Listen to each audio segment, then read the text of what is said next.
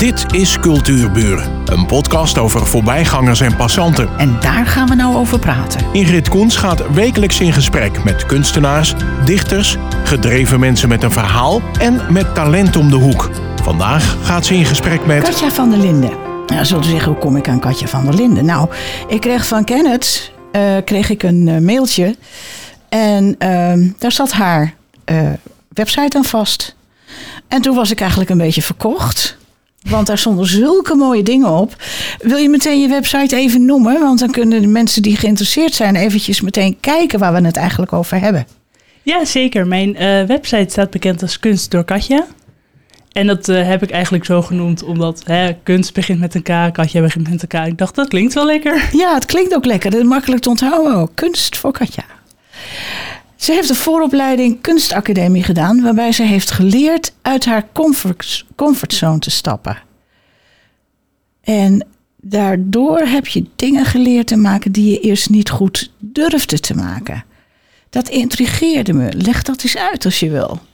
Ja, uh, toen ik begon met mijn vooropleiding kunstacademie, zei mijn lerares, kunstenares, uh, tegen mij van je tekent best wel meisjesachtig. En dat is ook waar. Ik, ik was bezig met haren, met meisjes, met echt en diertjes, paardjes, dat soort dingen. Echt best wel kinderachtige, meisjesachtige tekeningen. En ik had nooit gedacht dat ik ook vieze of, of wat smerige of gewoon pakkende dingen. Dat je gewoon iets uit de stad kan natekenen en dat dat ook iets kan zeggen, weet je wel. Dat, dat, daar had ik daarvoor nog nooit bij stilgestaan. Dat klinkt ontzettend. Uh... Kan je daar nog iets meer over zeggen? Want het moet een schok geweest zijn. Um, het was wel lastig om los te laten waar, waar je aangewend bent. Want ik was echt een soort mierenneuker. Echt tot in de fijnste details, lijntjes. En tot het laatste moment uitwerken. En wat ik heel erg moeilijk vond, is zeggen het is af. Dus ik ging vaak te lang door, waardoor het eigenlijk het goede punt voorbij ging en dat het te veel wordt. Overgeorganiseerd. Ja. ja. maar dat, dat moet je ook leren van wanneer is een werk af. En wat ik ook heel erg heb geleerd op die vooropleiding kunstacademie is... Oké, je hebt er nu zoveel tijd aan besteed. Je legt het nu een paar weken weg. En dan kijk je er opnieuw naar. En dan kijk je er ook met nieuwe ogen naar. En dan kun je zien van, is het af? Heeft het nog wat nodig? Is dit wat ik wilde? Of moet ik opnieuw beginnen? En dan met een nieuwe instelling van oké, het is net niet geworden wat ik wilde, maar ik weet nu wel wat ik wil. Dus op die manier kun je telkens verder. En ik had nog nooit kennis gemaakt met die manier van werken, omdat ik nog nooit echt les had gehad in het tekenen en die inspiratie vast blijven houden, zeg maar. En doorwerken op je eigen werk. En op die manier blijft het balletje rollen. Kunnen we dat samenvatten als zelfkritiek? Ja, dat denk ik wel. Want je kijkt elke keer opnieuw naar, oké, wat heb ik gemaakt? En ben ik verbeterd? Heb ik gevangen wat ik wilde vangen? En op die manier, ja, beoordeel je je eigen werk opnieuw en opnieuw en opnieuw. Maar die overgang naar dat naïeve tekenen van jou als meisje, wat heel safe en, en, en veilig is, naar bij wijze van spreken de drol tussen de stenen. Ja, dat, uh, ik vond het soms echt wel heel moeilijk. Dan uh, ging ik echt met tegenzin, had ik een beetje zoiets van... oké, okay, nou ja, ik ga het maar gewoon doen. Kreeg je voorbeelden of moet je het, e-, moest je het echt allemaal zelf ondervinden? Nou, ik moest het grotendeels wel zelf ondervinden. Ik kreeg gewoon een opdracht. Hmm. En die opdracht was vaak heel breed. Dus um, eentje die ik me nog heel goed kan herinneren is... Uh, maak een samenvatting van een wandeling door middel van tekeningetjes. Dus we werden echt naar buiten gestuurd met een tekenblokje, een pen. En dan moesten we gewoon met die pen, was het enige waarmee we konden tekenen. Dus ook niet potlood en een gum dat je het weer weg kunt halen en verbeteren. Nee, die pen was het enige. Dus je moest het ook in één keer vast zien te leggen, want het was wel de bedoeling dat je bleef wandelen. Dus op die manier heb je een paar dingen vastgelegd aan het einde en daar moet je dan een soort samenvatting van maken. Ja, ga je dat dan weergeven in een soort kaart of hoe ga je dat dan doen? Dus je, het is heel erg onderzoekend. En je komt ook dingen tegen tijdens die wandeling die je in eerste instantie niet zelf zou tekenen. Want nou ja, dat is ook een industrieterrein waar we gingen wandelen. En dan kom je grote machines tegen en lelijke gebouwen. Ja, wil je dat nou tekenen? Want het is niet heel mooi. Is het direct inspirerend? Misschien niet. Maar als je het vast begint te leggen, denk je: oh, er zit toch wel wat leuks in. En je kunt ermee spelen. Dus op die manier, ja, door dat ontdekkend te doen. Ja, werd je hele wereld opengebroken. Ja, eigenlijk wel. Ja, ja. Ehm, je noemt jezelf multimedia kunstenaar. Dat is wel heel breed, hè? Het, het is heel breed. Dat eh, doe ik ook vooral omdat ik nog heel erg het gevoel heb dat ik een beetje zoekende ben naar wat voor stijl ik nou maak. Ja, maar wat heeft stijl met multimedia te maken? Wat is precies de, de, de vertaling van jouw multimedia? Nee, multimedia houdt vooral in dat ik eh, verschillende mediums gebruik. Dus en potloden en aquarel en verf en olieverf en soms ook klei en andere 3D-dingetjes, dingen die ik vind op straat. Dus het, het kan echt van alles en nog wat verwerkt worden in een schilderij of tekening. En daardoor is het multimedia, want het is niet per se één materiaal. Oké. Ja. Ja, dat is duidelijk. Ja, want ik heb bloemen van jou gezien. Zoals ik bloemen eigenlijk nog nooit getekend had gezien. Oké. Een liggende, wat is het? Een, die blauwe tulp die op de voorkant van je eh, website staat. Oh, de blauwe regen, ja. Oh, is bla- dat, dat, dat is toch niet de manier waarop de meeste mensen zich voorstellen dat een bloem getekend is. Die staat altijd rechtop of in een vaas of hangt half over het beeld. Maar deze ligt gewoon. Dat vond ik zo frappant.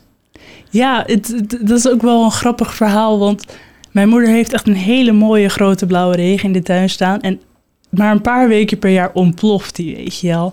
En ik ben daar altijd zo blij mee, want ik- mijn favoriete kleur is gewoon blauw en het zijn bloemen. En ik had, heb elke keer zoiets van, als die blauwe regen bloeit, dan ben ik gewoon helemaal blij. Dus ik foto's maken en bloemetjes plukken en schilderen en tekenen en alles.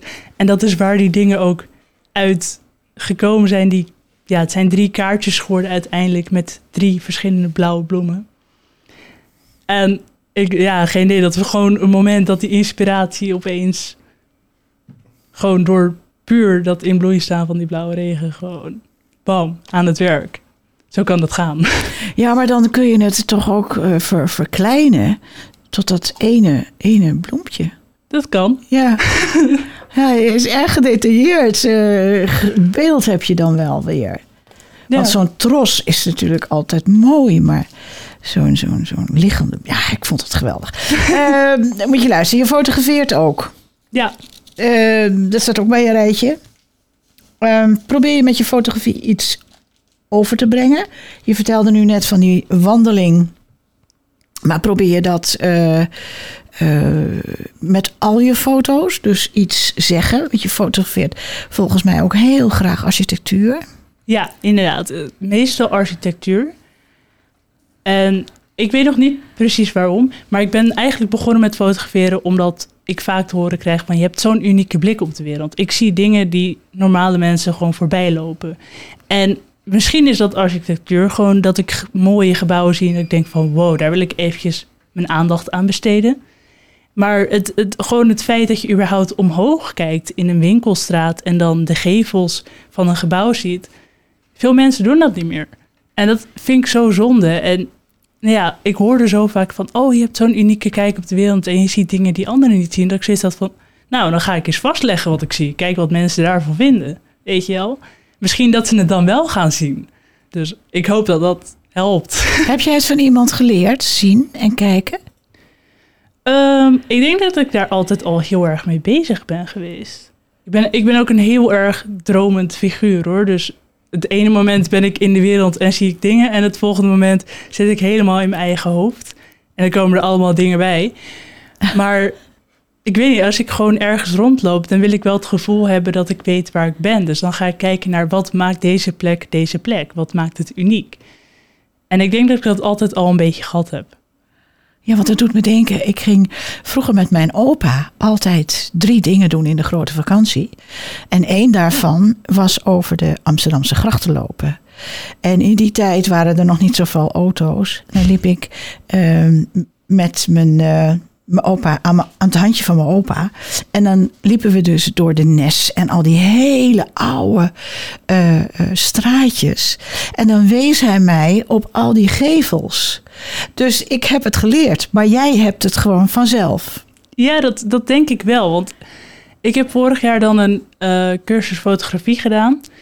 En ja, mijn lerares zei toen ook al van...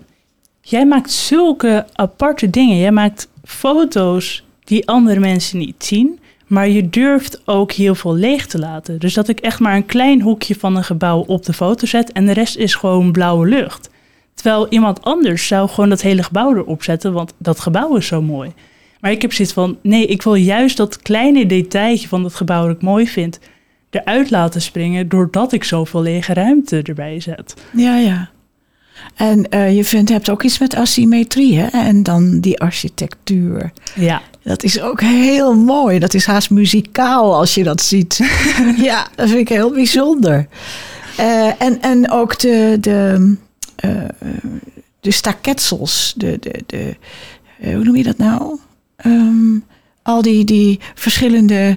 Trouwens, als, je de als jullie de foto bekijken van de website kunt zien, dan sta je ook bij zo'n typisch kunstwerk ja, die, die, die eh, ook weer heel asymmetrisch en ehm, lijnen, dat lijnenspel, dat, dat doe jij ook, hè? lijnenspel, ja, zeker. Ja. Dus dat, dat eh, zie je heel veel terug in de foto's die ik maak in havens. Af en toe, dan zie je inderdaad het lijnenspel met touwen, maar ook op het station heb ik een keer gewoon naar boven gefotografeerd. En dan heb je natuurlijk al die lijnen waar die, die treinen onder Ja, rijden. ja. En dan gewoon met zo'n ja, zo'n haak op zo'n trein, geen idee hoe zo'n ding heet. Maar daarmee vangt hij dan die stroom op. En mensen kijken daar niet eens naar. Maar het is zo mooi. En zeker dan dat sterke zwart tegenover die bijna witte lucht. En dan heb je een soort lijnenspel, wat een kunstwerk is op zich. En het is gewoon hier elke dag in ons dagelijks leven. En dat is zo mooi. Ja, dat vertelt een verhaal, hè? Ja, nee, Ja. Vind, vind ik wel. Eh, over verhaal gesproken en fotografie. Ehm, zit er ook iets achter dat je mensen iets duidelijk wilt maken?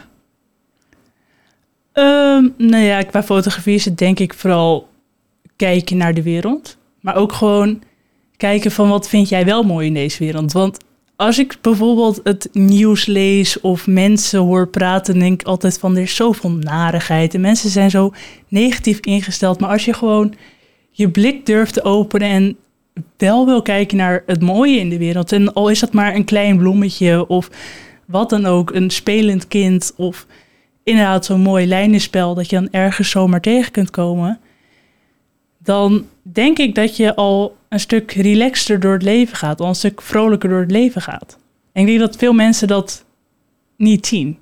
Ja, je kunt soms ook dat negatieve van al het nieuws wat op je afkomt, kun je ook niet. eh, eh, je moet het ook niet te diep naar binnen laten komen. Maar dat is makkelijker gezegd. Maar als je breder gaat kijken, of misschien wel naar binnen gaat kijken, wat meer met Ja. oogkleppen van de kleine dingetjes die er wel mooi zijn. Ja, het is moeilijk. Het, het is moeilijk, Ja, zeker het is heel moeilijk. er stond trouwens nog een heel leuk eh, woord in je cv. Of je beschrijving van jezelf. Dat vind ik echt veel mooier. Ehm, en dat is knutselaar, frutselaar. dat woord alleen al, dat is poëtisch. Knutselaar, frutselaar. Vertel, kom op, vertel, wat, wat, wat houdt dat in? Nou ja, zeg maar, dat, dat is eigenlijk een grapje dat een beetje is ontstaan tussen mij en mijn vriend. Want dan heb ik zoiets van, ja, ik ga een beetje knutselen, frutselen. En dan heeft hij zoiets van, ja, ga maar lekker knutselen, frutselen, weet je wel. En dat betekent gewoon dat ik of ga tekenen of ik ga iets raars creatiefs in elkaar zetten. Dat maakt niet zoveel uit. Maar het is een beetje van, dan ga ik iets doen waarmee ik nog niet echt weet wat het gaat worden. Maar dan ga ik een beetje, ja, een beetje frutselen en dan zie ik wel wat eruit komt. En dat is een beetje hoe die term ontstaan is. Ik had zoiets van, ja, wie gebruikt die term nou, weet je? Ik ben gewoon een knutselaar, frutselaar, punt. Het is ook heel duidelijk. Maar ehm, eh, dan had je het net over dingen die je verzamelt en zo. Ehm, dus jij bent een verzamelaar. Ja, En wat verzamel je dan?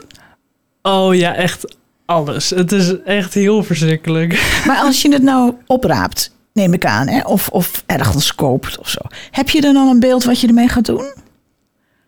Nee, niet per se. Maar het enige wat ik weet is dat het me aanspreekt. Dat het me raakt, dat het iets met me doet. En dat ik er dus iets mee kan. Ik, ik heb echt van alles en nogal thuis liggen. Ik heb vanmorgen ook weer al mijn laadjes doorgezocht om het even te herorganiseren. En ik kwam een gebroken kopje tegen. Ik echt zoiets had van, waar heb ik die nou weer vandaan? Weet je wel, een gebroken kopje. Wat, wat was het moment dat ik dacht van, oh, dat is leuk. Dat ga, ik- daar ga ik iets mee doen, weet je wel. En ik heb hem nog steeds, want ik ga er ooit mee, wat mee doen, denk ik. Maar ik heb ook, eh, had ik een hele grote kaars en die was helemaal opgebrand. En die rand was helemaal omgebogen. ja. Zo'n kaarsvet ligt ook nog ergens. Ik heb geen idee waarom ik dat dan bewaar. Maar het is gewoon van die aparte dingetjes die ik dan... Maar ook van schelpjes tot dingen die ik tegenkom in de kringloop. De kringloop is wel echt het ergste tot nu toe. Paradijs. Het is echt een soort paradijs. Dus, Maar wat koop je daar dan? Want ik, ik vind het ook heerlijk om in een kringloop te, te snuffelen. Maar wat koop jij daar dan? Ehm, minuscule schilderijtjes heb ik behoorlijk veel. Gewoon echt mini-mini. Zo klein dat je ze Postze- gewoon... iets groter dan een postzegel wijs je nu aan. Ja, echt zo klein dat je denkt van die ga ik kwijtraken voordat ik hem ophang. en hij hangt. Hij hangt in huis. Niemand weet waar, want hij is zo klein dat je hem niet ziet. Maar hij hangt. Geeft toch een goed gevoel. Het geeft toch het gevoel. Een miniatuurscheepje heb ik staan. Ik heb een porseleinen poesje. Geen idee, ik hou van poesjes, dus die moest er ook bij. Ja. Wat heb ik nog meer? Ik heb zo verschrikkelijk veel dingen. En er gaat ook af en toe weer heel veel weg hoor. Heel Oh, dat, veel, dat kun je. dat kan ik wel. Het moet wel voor in de bui zijn, want Ja, ja, ja, anders ja. niet. Ja, Ik heb heel veel lijstjes. En die lijstjes gebruik ik ook weer om mijn eigen werk mee in ja te dat lijsten. kan ik me voorstellen, ja. Een stuk Ja. goedkoper. Alleen, ik kom dan ook altijd hele oude lijstjes tegen. Die hele onhandige sluitingen hebben. Dus ik denk ondertussen ook al dat ik half een lijstenmaker ben. Want echt de dingen die ik verzonnen heb om dan dingen weer in te kunnen lijsten. Want dan zit het allemaal met lijm en alles vast. Het, het gaat altijd goed, dus op zich. dus op, ja, het is gewoon een beetje wat ik tegenkom. En ik, ik heb ook allemaal dingen waar kaarsjes en plantjes in kunnen. Het is, eh, ja. Ja, ik herken dat knutselaar en frutselaar nu helemaal. Dat is helemaal duidelijk. Ja, Helemaal duidelijk. Ehm, je bent niet aangenomen, aangenomen op de kunstacademie. Dat vind ik een schande. Of wilde je het uiteindelijk niet? Ehm, nou, ik heb zeg maar tijdens mijn laatste jaar HAVO, toen was ik 18 jaar oud, heb ik naast mijn school dus de vooropleiding kunstacademie gedaan. Eén keer in de week. En ik heb echt heel erg hard gewerkt aan mijn portfolio. Ik heb toen bij drie of vier verschillende scholen inderdaad me aangemeld. En dan moet je zo'n heel ding door. Dat is echt per school weer anders. En sommige dingen zijn echt verschrikkelijk. Maar oké, er is heel veel van geleerd. en ik ben uiteindelijk maar bij één school aangenomen. Dat was mijn allerlaatste keuze. Dat was helemaal in Zwolle. En op het moment dat ik dat te horen kreeg, zat ik in Frankrijk. Want ik deed vrijwilligerswerk daar op een camping. En daar hadden ze ook een restaurant en alles. En ik had zoiets van, oké, ik ga niet zonder ouders op mijn... Toen was ik net 19, want ik was toen jarig geweest in de vakantie. Een kamer zoeken in Zwolle om naar een school te gaan waar ik eigenlijk niet heen wil. Want dat was mijn laatste keuze. Een soort van safe spot, weet je wel.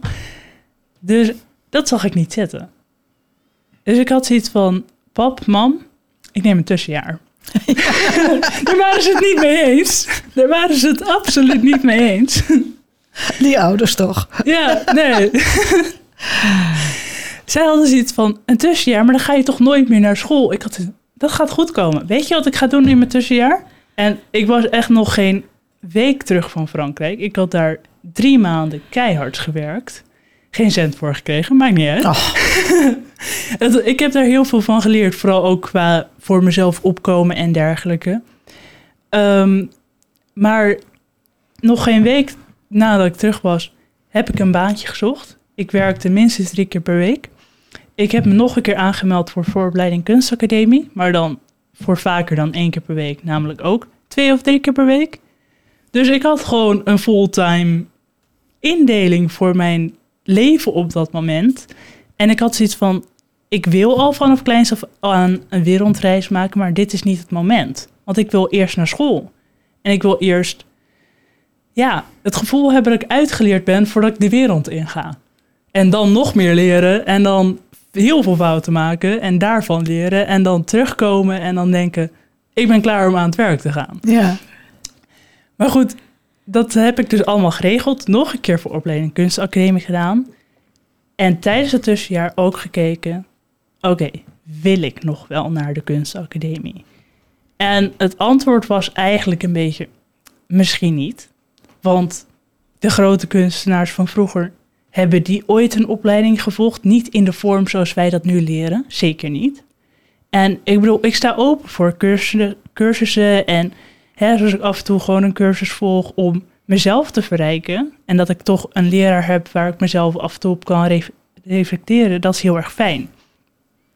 Maar de kunstacademie sprak me gewoon niet meer zo aan. Niet per se omdat ik afgewezen was, maar ook gewoon omdat ik zoiets had van, ja, wat kunnen zij mij geven waarvan ik zoiets heb van, daar kan ik iets mee. Dan heb ik straks een diploma van, jee, ik ben kunstenaar en dan? Ik bedoel, dan moet je nog steeds jezelf gaan verkopen. Dat kan ik nu ook al. Ik bedoel, het is niet makkelijk. Het is altijd heel erg je weg daarin vinden. Maar dat kan ik nu in principe ook al. Dus ik ben ook heel erg gaan kijken van, oké, wat wil ik nog meer? En toen ben ik bij mijn huidige studie terechtgekomen, namelijk cultureel erfgoed. Nog steeds in de culturele sector, dus op zich niet heel ver verwijderd van een kunstacademie. En in plaats van dat ik nu kunst leer maken, leer ik heel erg de museale achtergrond en de achtergrond van het verzamelen. Van monumenten, van stadsgezichten, van natuurlandschappen. Echt van alles en nog wat. Maar zijn dat ook eh, eh, eh, studies?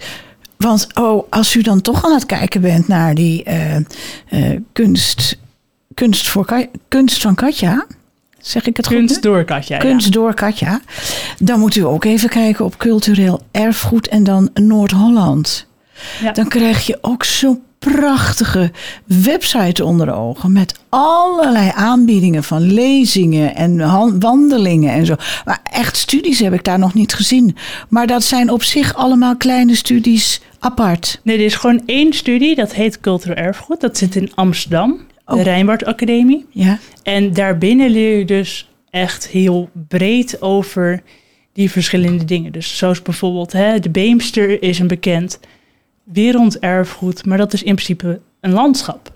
En waarom hebben we, we hebben dan gezegd van, oh, dat is belangrijk voor de wereld om te behouden. Daar ga je dan, op dat soort dingen ga je dan in. ja. En uiteindelijk kun je wel verschillende kanten op. Dus bijvoorbeeld eh, museum, educatie of eh, conservator. Dat je dus heel erg het beheer en behoud van museumobjecten of archieven of zijn heel veel mogelijkheden. Ik kom er ook per dag weer achter hoeveel er onder cultureel erfgoed valt. Ja. Maar geweldig hè? ja, nou ook eettradities, eh, verschillende volken en hun tradities. Het is geweldig. Ja, ja ik, ik kreeg dat al bij die, eh, die, die afdeling Noord-Holland. Ik bleef kijken en ik bleef kijken. Er kwam steeds weer wat meer bij. Het is ontzettend veel. En eh, het is een mooie website ook. En eh, oh, daar kan je je in verliezen. Want er staan natuurlijk al best veel dingen in. En dan kun je al die lezingen nog, eh, nog Ja, jemig. Even kijken. Ehm, even kijken, even kijken, even kijken. Nou, Nu maak ik naast mijn studie vrij werk. Ja, Want je bent uiteindelijk, en ik vind ook, dat is ook dat woord academie, dat is een, een, een, een klas apart. Je bent een vrije geest, jij. Ja, dat denk ik wel. En ik denk dat op een eh, academie dat ik heel erg gevormd zou zijn. En ik denk dat dat ook wel zonde is. Sommige mensen hebben het nodig, want die zijn gewoon te all over the place. Maar ik denk dat het voor mij niet heel veel had toegevoegd. Dat het eigenlijk heel erg was dat ik ging maken wat zij hadden willen Ja, zien. In ja, plaats van dat ik zelf ga kijken van wat wil ik Ja. maken. En natuurlijk, dat is af en toe zoeken. En ik ben nog steeds heel erg aan het zoeken. En dat gevoel van zoeken gaat misschien nooit weg. Maar zolang ik wel trots op kan zijn op wat ik maak, heb ik zoiets van: oké, er zit vooruitgang in. Ja, Dus ja. dan gaat het goed. Ja, En als je nou wil zien waar, waar ze het over heeft, Katja van der Linden, kijk dan eventjes naar die website. Noem hem nog even. Kunst door Katja. Komen we nog, ik kijk even naar Kenneth, komen we nog toch aan de allerlaatste vraag? Nou, snel beantwoorden, maar ik denk dat we het eigenlijk al weten. Heb je nog hobby's? Uh, nou ja. Buiten verzamelen. nou ja, inderdaad, kort gezegd, hobby's. Uh, lezen, schrijven, tekenen, schilderen, fotograferen. Het, het is veel, maar ook overzichtelijk. Je leeft je hobby. Precies. Katja, leuk dat je er was. Um, ik wens je ontzettend veel succes en uh, ik hou je in de gaten. Ja, dankjewel. Dit was Cultuurburen, een podcast van Ingrid Koens en Streekstad Centraal. Bedankt voor de aandacht en tot de volgende Cultuurburen.